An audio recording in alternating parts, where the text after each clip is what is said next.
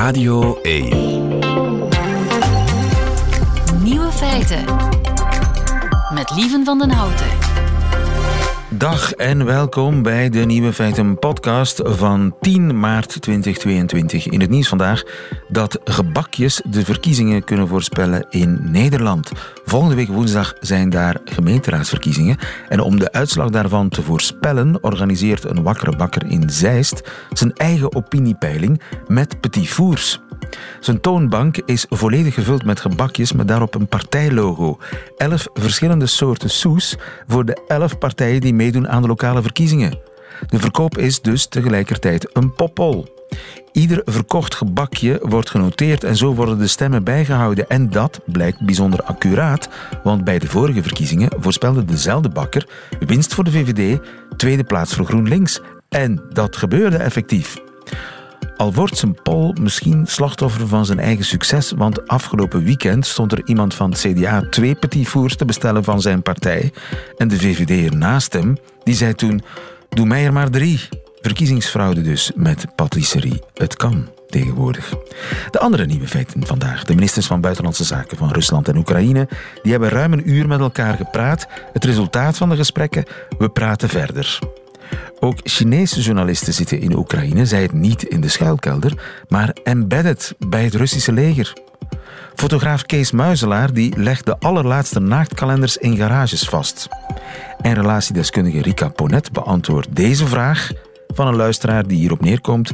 Ik krijg de job die mijn beste vriendin zo graag wou. De nieuwe feiten van Johan Terrein die hoort u in zijn middagjournaal. Veel plezier. Jens Fransen, onze defensiespecialist. Goedemiddag voor onze dagelijkse bijbabbel. Yes. Uh, over Oekraïne. Uh, wat is het meest recente nieuws? Ja, die, die ministers van Buitenlandse Zaken die elkaar getroffen hebben in uh, Turkije, Antalya. Ja van de ministers van Buitenlandse Zaken van zowel Rusland als Oekraïne. Ja. Dat heeft nul opgeleverd. Wel, dat heeft nul opgeleverd. Niemand ging ervan uit dat beide heren vandaag zouden buiten komen, de hand zouden schudden en zeggen: Kijk, er is vrede in Oekraïne.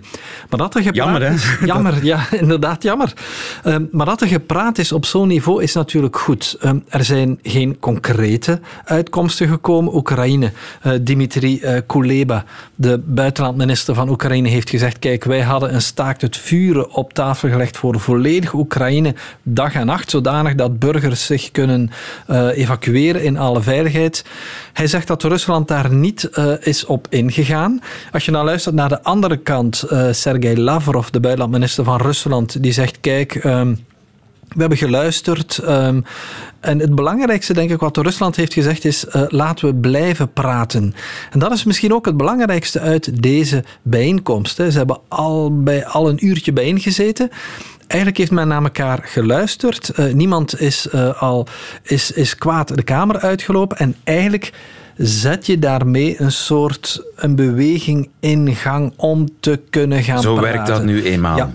De, nu, ik moet dat zeggen, is diplomatie, die, die, de kunst van het onderhandelen van het haalbare. Van het haalbare. En uh, de, de Russen, hun eisen, ja, eerlijk gezegd, het lijkt mij minder dan verwacht.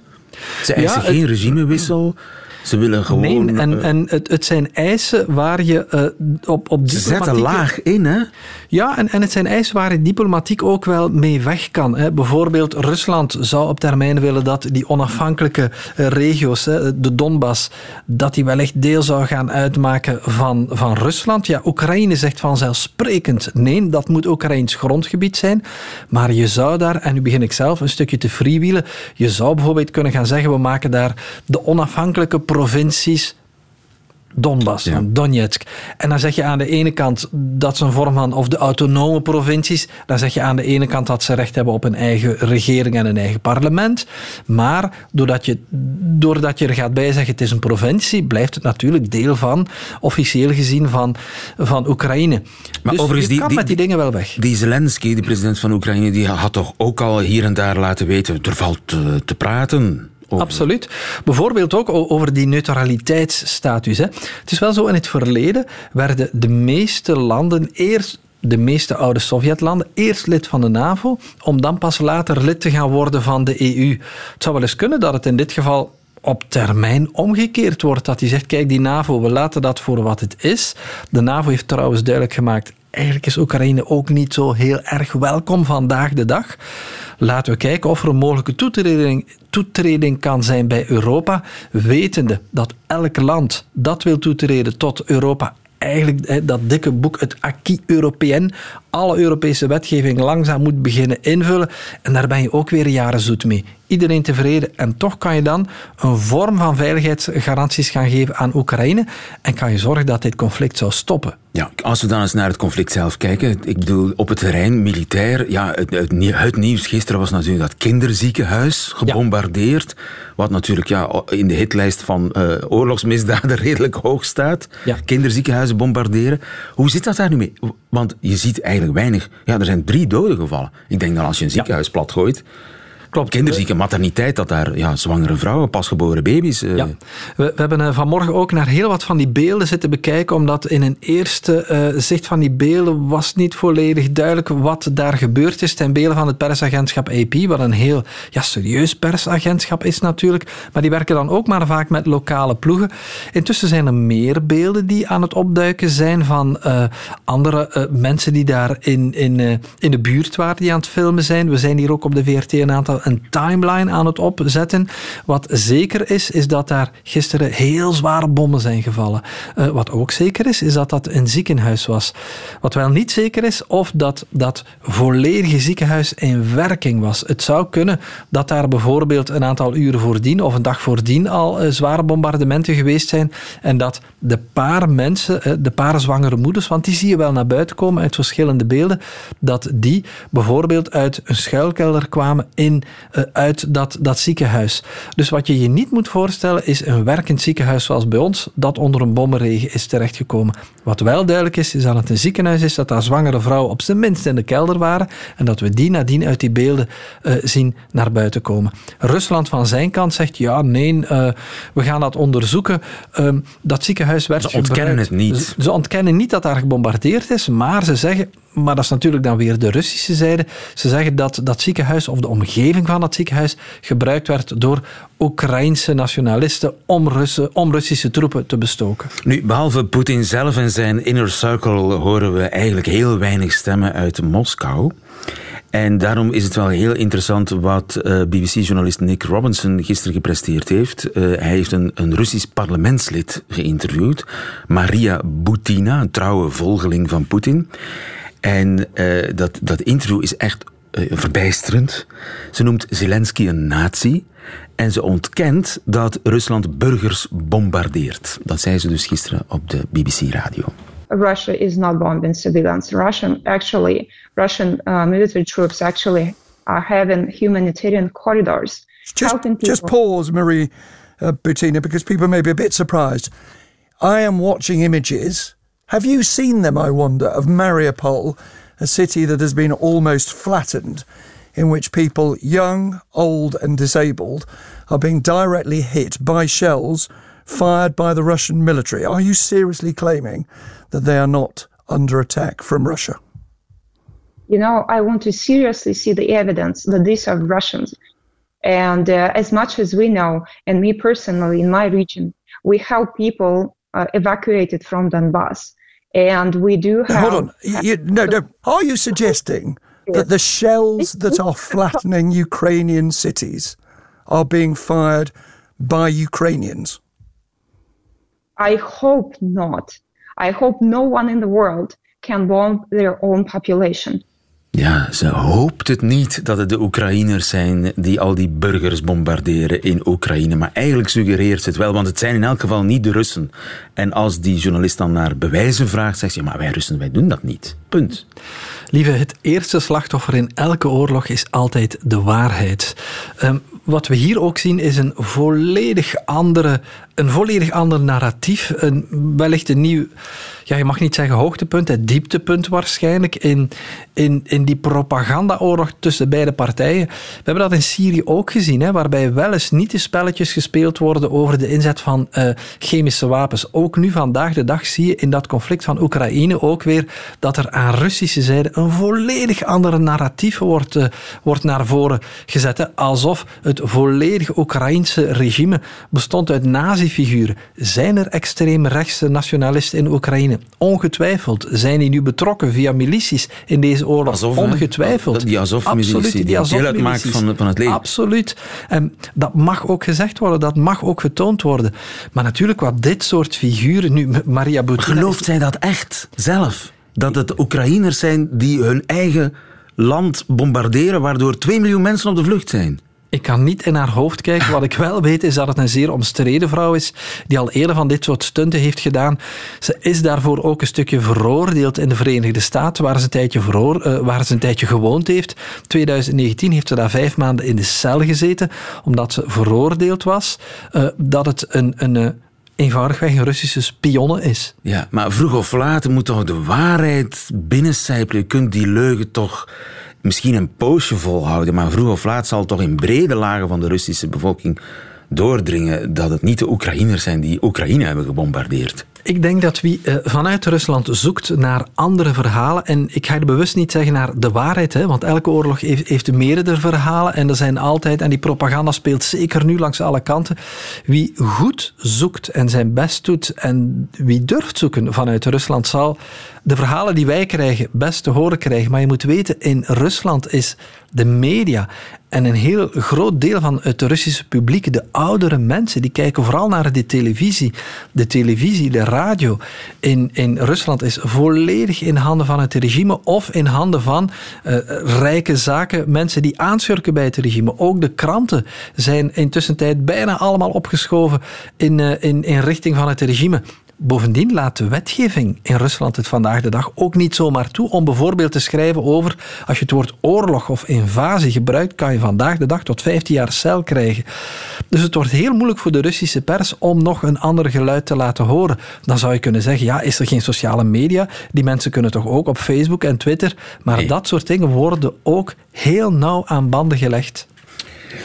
Oorlog is het en blijft het helaas voorlopig. Helaas. Dankjewel, Jens Frans. Nieuwe feiten. Radio 1. En kijk, er is ook een eh, Chinese journalist actief in Oekraïne.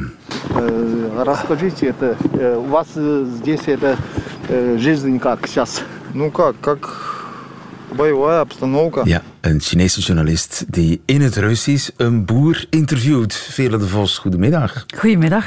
China-deskundige. Zit die Chinese journalist daar ook gewoon tussen de Oekraïners in de schuilkelder? Ik denk het niet. Ik denk dat hij meereist met het Russische leger. Want hij is ook de afgelopen week, ik heb een beetje gez- gezien wat hij allemaal gedaan heeft, is hij in Luhansk geweest. geweest dus dat Russisch gedomineerde eh, oosten van Oekraïne. Hij is in Kharkiv geweest.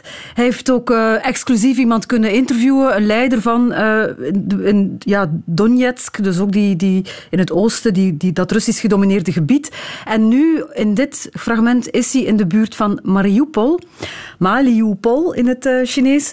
Ehm, waar de Russische troepen zitten en waar ja, nauwelijks nog westerse journalisten zijn. Het is daar ook heel erg gevaarlijk. De westerse journalisten die er al zijn, zitten in de schuilkelder met de Oekraïners in het centrum. Want Mariupol is volledig... Maar ik ga het al op zijn Chinees zeggen. Mariupol is volledig omringd door Russische troepen. En die Chinese journalist zit aan de buitenkant van de stad bij de Russen. Ja, embedded, als het ware, Ja. bij de Russen, mee met het Russische leger. Weten we wie hij is en wie hem gestuurd heeft? Ja, het is Lu Yuguang en hij werkt voor Phoenix TV. En Phoenix TV is oorspronkelijk opgericht in Hongkong, maar wordt ook in mainland China eh, en over de hele wereld een beetje bekeken door Chinezen.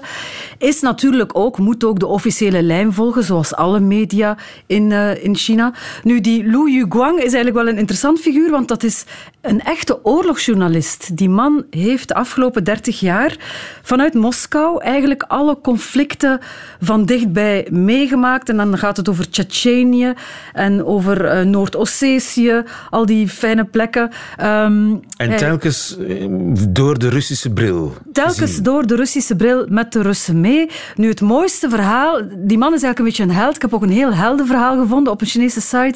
Hij is 30 jaar in Moskou, was in Grozny, dus in Tsjetsjenië tijdens die oorlog op dat moment.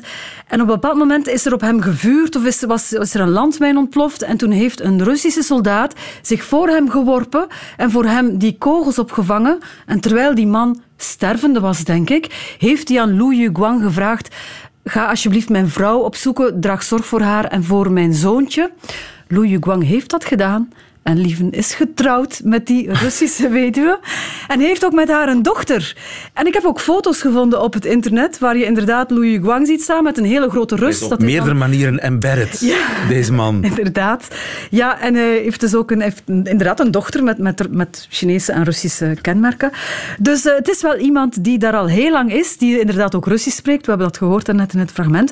Maar die wel degelijk het hele conflict bekijkt vanuit de kant van de Russen. Embedded op dit moment in Oekraïne. Ja, en hij staat uh, ja, daarvoor model voor heel China. Het is eigenlijk verbijsterend voor mij als niet-kenner het gemak waarmee China eigenlijk die Russische leugen accepteert en, en, en ja, niet alleen accepteert, maar ook gewoon actief verspreid onder zijn eigen bevolking. Zonder enige morele bezwaren. Ja, maar dat is ook wat Chinese journalisten in China doen. Dat is vertellen wat de overheid wil dat je vertelt. Want wat je, het, werk dat je doet als journalist is in dienst van de staat, is in dienst van het verhaal dat jouw land wil vertellen. Dus je vertelt dat verhaal. Anders ben je geen journalist in China. dat is een dus, eh, totaal ander idee over journalistiek eigenlijk. Dat is het. Want ik zat te denken, ja, wij hebben natuurlijk ook wel, wij gaan ook wel eens mee embedded met het Belgische leger naar een conflictgebied Amerikaanse journalisten ja, hebben ook wel de golfoorlogen bekeken vanuit de kant van het Amerikaanse leger. Maar dat leger gaat natuurlijk niet expliciet zeggen wat je moet vertellen. Hier is dat wel zo. Want wat vertelt hij? Ja, hij vertelt dat ze dus ja, in de buurt van Mariupol zijn en dat er nieuwe Russische troepen worden aangevoerd en dat de Oekraïners in de schuilkelder zitten. Hij vertelt eigenlijk ja, probeert hij wel redelijk getrouw te vertellen wat daar gebeurt. Hij interviewt dan een dorpeling. En het, het grappige of het tragische is dat er in dat groepje, want hij is niet alleen, zit onder andere ook een Amerikaanse journalist die werkt voor Russia Today bijvoorbeeld, voor de Russen. En die interviewt natuurlijk exact dezelfde dorpeling die ook perfect Russisch spreekt. En dat deed, je, deed me een beetje terugdenken aan enkele jaar geleden was ik embedded met de Chinezen in Tibet, waar je dus ook met een groepje journalisten wordt rondgevoerd in een camionet.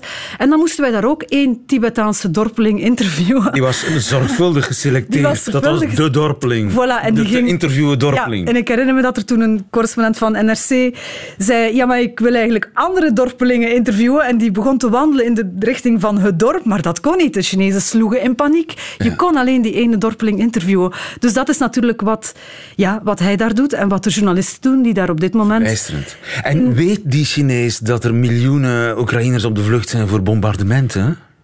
Hij weet dat wel of hij weet dat niet. Hij zou het moeten weten, denk ik. Maar hij weet exact wat hij moet vertellen. Nu, in het geval van Lu Yuguang, die krijgt op dit moment kritiek in China omdat hij niet pro-Russisch genoeg zou zijn. Dus hij, het beeld dat hij schetst van die oorlog zou te genuanceerd zijn en niet genoeg het Russische standpunt benaderen. Namelijk dat deze oorlog uh, clean is, hè, dat er alleen maar um, ja, precisiebombardementen worden uitgevoerd. Uh, dat, om de Oekraïners te bevrijden van de nazi's. Voilà, dat is het. Om de Oekraïners te bevrijden van de nazi's, om de Amerikaanse invloed terug te dringen. En dat is ook de Chinese visie op het conflict, die helemaal overeenkomt met de Russische visie. Ja, en die helemaal niet overeenkomt met de realiteit. Ja, maar dat is niet zo belangrijk. Maar dat is niet zo belangrijk. Nee, nee, nee, dat is niet zo belangrijk. Vera de Vos, dankjewel. Goedemiddag. Vraag het aan Rika.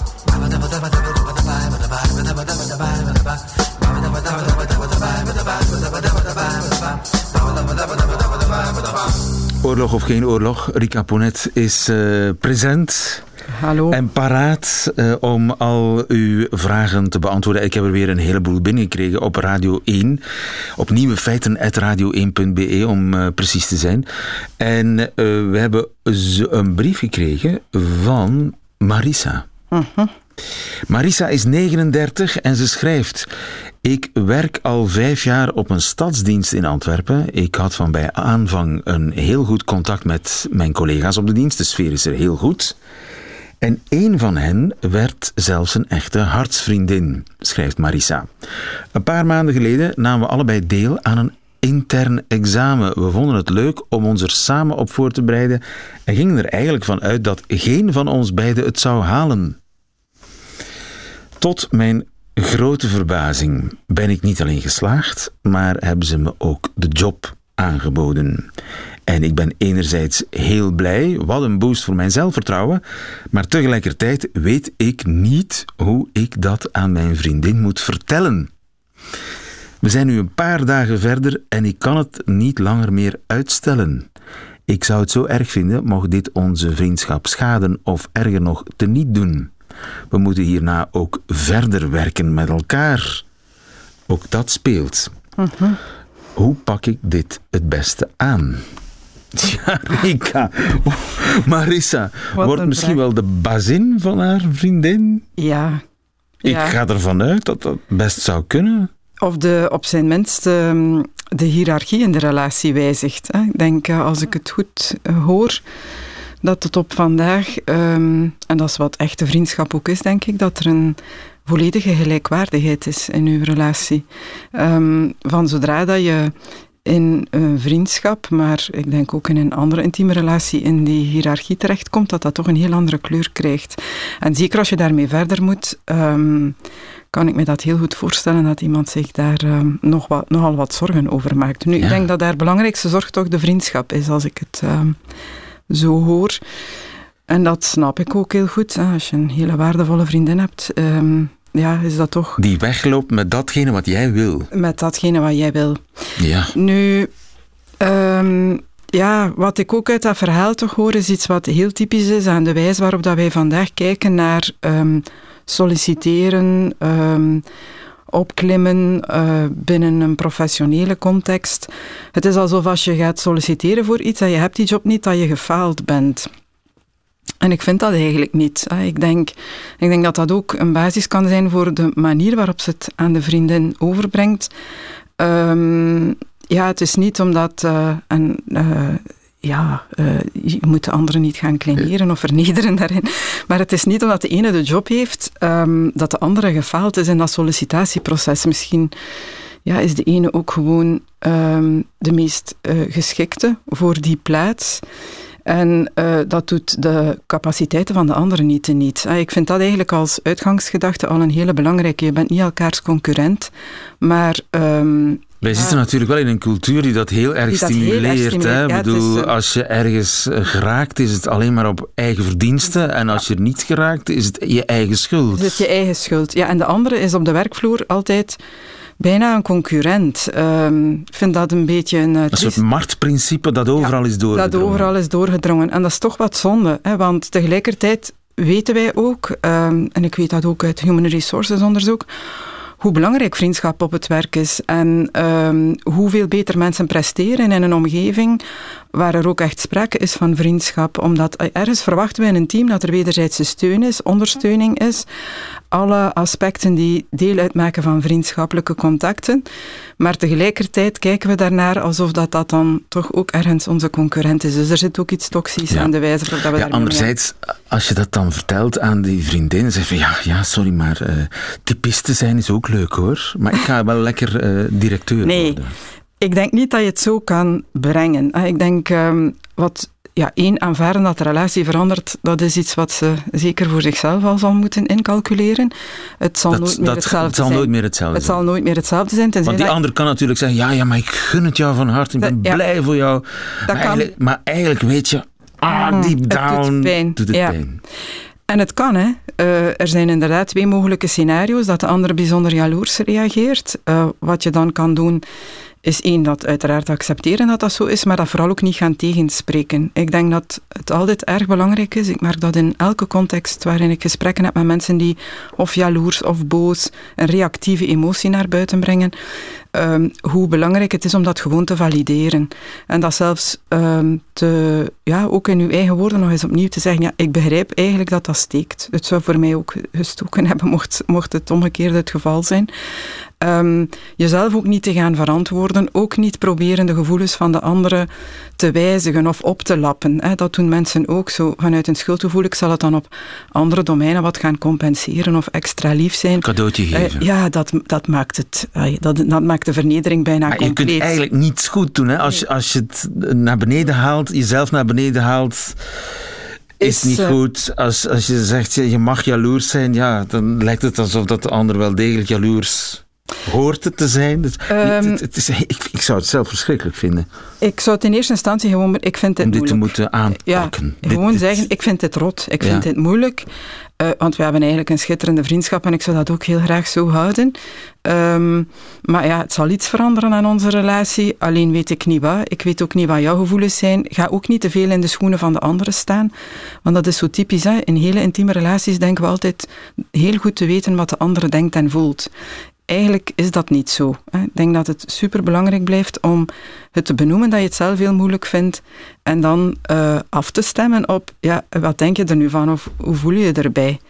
En dan, wat dan komt van dat te erkennen. Het kan ook goed zijn dat zij er eigenlijk totaal ook niet van wakker ligt. Hè? Want dat is het tweede mogelijke scenario. Ze kan jaloers zijn, maar ze kan ook aangeven, effectief, ik gun jou dat, ik ben blij voor jou. Hè? Niet iedereen ehm, ja, reageert op die jaloerse manier.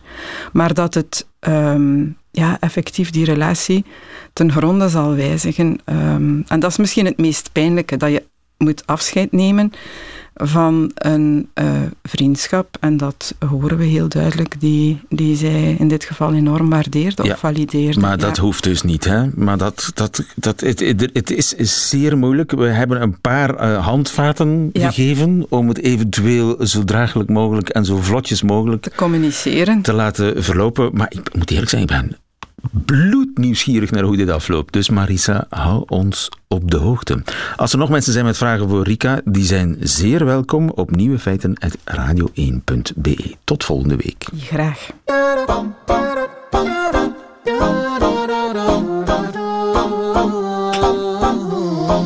Nieuwe feiten. Vlak voor iets verdwijnt het toch nog vastleggen, dat is wat veel fotografen doen. En Kees Muiselaar is niet anders. Hij heeft de laatste naaktkalenders in garages gevonden. Goedemiddag, Kees. Goedemiddag, goedemiddag. Waren ze moeilijk te vinden? ze waren heel moeilijk te vinden, jazeker. Ja, ja, en ze worden steeds moeilijker te vinden zelfs. En hoe heb je ze toch nog gevonden? Eh, nou, eigenlijk door gewoon... eh, Rond te hangen? gaan rond, ja, rond, echt. rond, eh, ja. ja, gewoon, gewoon Quasi kijken en, nonchalante garages binnenstappen op zoek naar tieten? Juist, juist, juist. En dat viel nog niet mee, moet ik zeggen.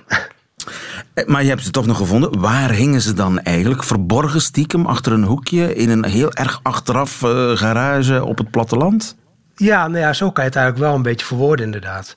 Ja, ze worden niet meer... eh, ja, vroeger hingen ze overal gewoon... Ja, kon je ze gewoon in elke garage vinden. Maar tegenwoordig worden ze toch wel echt verstopt in hoekjes. En eh, ja, ze zijn steeds moeilijker te vinden. En hoe heb je ze gefotografeerd? Met de, de trotse boys erbij die ze ophangen en bewonderen? Eh, nee, nee, nee. Gewoon puur. eh, het zijn echt stillevens. Dus ik heb echt zonder mensen erop. Eh, want ja, goed, het, is ook een beetje een taboe wat erop zit. Hè? Dus heel veel bedrijven die willen zich er ook niet mee associëren. Je was Dus, niet overal eh, welkom met je camera. Nee, zeker niet. Zeker niet. Nee, en er werd ook heel vaak werd er gezegd dat ze er niet hingen. eh, terwijl dat ze daar eigenlijk stiekem wel hingen. Dus, Hoe heb je dat dan ontdekt? Ja, nou ja, goed. Het is, het is, ik heb bijvoorbeeld bij, bij een garage toen. Toen, toen vroeg ik het ook van, goh, jullie hier nog van die posters hangen? En toen werd eerst gezegd, nee, nee, nee, hebben we hier niet hangen. Absoluut niet. En eh, nou ja, goed, toen, eh, toen liep ik weg. Dus kwam die man terug en zei, ja, ho, eh, maar waarom wil je dit eigenlijk weten?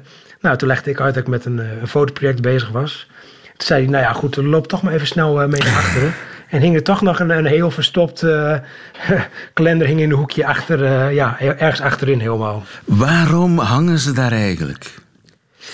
Ja, waarom hangen ze er eigenlijk? Ja, vroeger hingen ze overal in elke garage. Ja, maar eh, waarom? ja, ik denk toch Wat zegt dat soort- eigenlijk? Ja, wat zegt dat eigenlijk? Ja, ja ik, vind- ik weet het niet. Dus het, misschien is voor de, voor de mensen ja, dat ze een goed uitzicht hebben of zo. Ik weet. Ik weet niet wat, eh, ja, wat ze ervan, eh, ja, waarom ze dat doen eigenlijk. Is de boodschap niet vooral, we zijn hier onder mannen om de band te versterken Ook. tussen de jongens in de garage? Ook, ook, ook. Zeker, zeker, zeker. Ja, het, het, het is een beetje... dus ja, ze werden ook verzameld. Hè? Dus ieder jaar kreeg, kreeg men een nieuwe kalender. En dat werd gewoon op dezelfde plek eh, teruggehangen. Dus het was ook een terugkerend iets. Maar dat is tegenwoordig niet meer zo. Ja, want het is, tegenwoordig wordt het als iets agressief beschouwd. Hè? Vrouwen zijn hier niet welkom, behalve naakt Klopt. aan de muur. Ja, ja, inderdaad. Ja, nou ja, goed, het, het hangt natuurlijk eh, enorm taboe nu op. Dus het, vooral met, eh, hier dan in Nederland met uh, The Voice en MeToo en zo. Ja, dat, dat, het, bedrijven willen dat gewoon niet meer, hè? Ja. Dat soort uh, kalenders. Waar kwamen die eigenlijk vandaan? Waar werden die gemaakt? Nou ja, dat was in de, vroeger was, was het zo. Vroeger, een paar jaar terug, was het zo dat iedere, ja, hoe noem je dat, leverancier... Die stuurde dan gewoon elk jaar een kalender op met... met, met het automerk zelf? Ja, zeker, zeker. Of automaterialen of dat soort dingen. Dus een paar jaar terug was dat heel normaal. En nu worden die posters worden er wel steeds verstuurd. Alleen niet meer met dames erop, maar gewoon mensen van, van mensen ja, op, op de eigen werkvloer. Dus mensen die, die aan het werk zijn. Met kleren aan. Met kleren aan, ja, zeker. Zijn het haarden van verzet waar ze toch nog hangen? Ja, bij sommigen wel. Maar ook al durven ze dat niet vo, uh, voluit uh, te zeggen. Nee, nee het is toch, uh, ze zijn toch wat bang voor. Ja. Het is stilverzet. Stilverzet, zeker. Ja. En waar ze niet meer hangen, worden ze eigenlijk gemist? Ja, ja eigenlijk ja, ja, bij sommigen wel, bij sommigen ook niet. Sommigen die zeggen ook echt, ja, het, het, past ook niet meer bij deze tijd. Maar je hebt natuurlijk echt van die oude garagehouders, ja, die zeggen, ja, het hoort gewoon bij. Ik, ik snap niet waarom, ze, ja, waarom mensen er zo moeilijk over doen. Ja, heimwee naar vroeger. Ja, zeker, zeker, zeker. En dat kan je ook wel zien hoor, want sommige posters hangen er gewoon echt al jaren en die zijn er helemaal verkleurd. Hè? Ja, niemand kijkt er nog naar. Nee, niemand, uh, niemand uh, nee, klopt, klopt. En ze worden gewoon langzaam verdwijnen ze. en ja. dan worden ze vastgelegd door de fotograaf.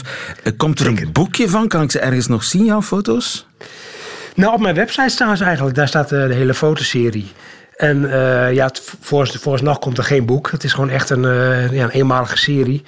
Uh, en ja, ik wil dat toch maar even vastleggen voordat het gewoon ja, weggaat straks. Want je kan er donder op zeggen dat het straks weggaat. Ja, de laatste naaktkalenders. Kees Muizelaar, ja, ik ga, we bouwen een linkje naar jouw site via radio1.be. Dankjewel voor dit gesprek. Veel succes verder. Goedemiddag. Ja, dankjewel. dankjewel.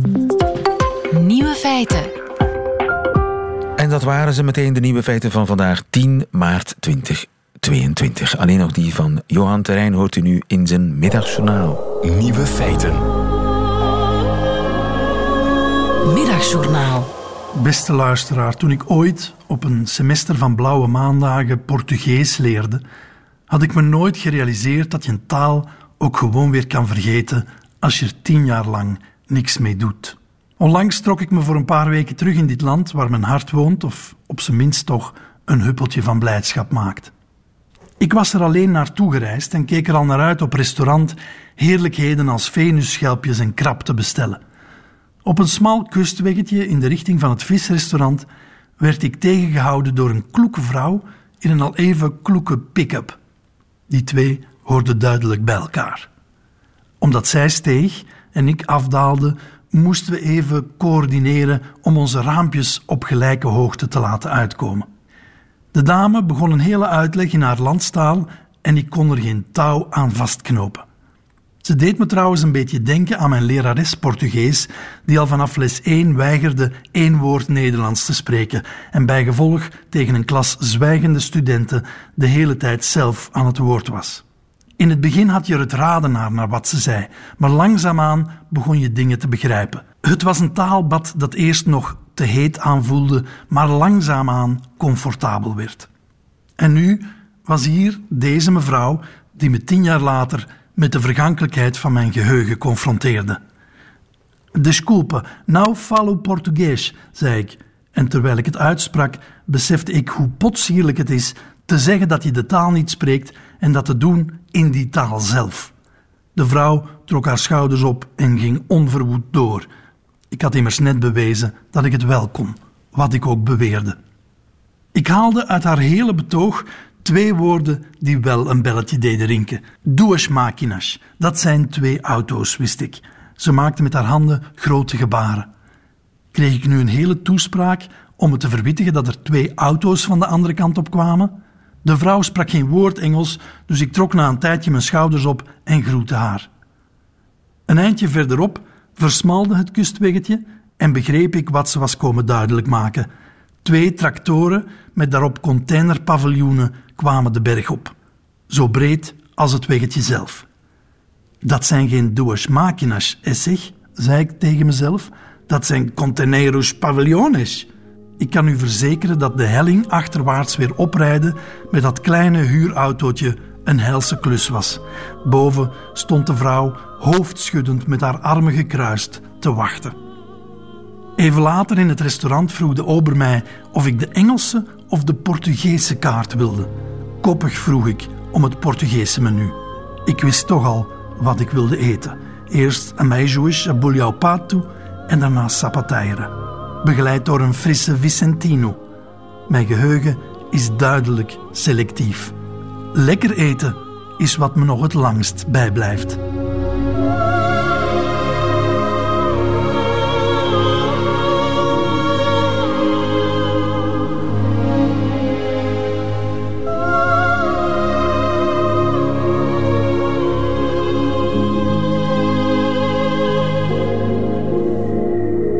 Terrein in het middagjournaal. Einde van deze podcast. Hoort u liever de volledige nieuwe feiten met de muziek erbij? Dat kan natuurlijk on demand via onze website of app of live op Radio 1 elke werkdag tussen 12 en 1. Tot een volgende keer.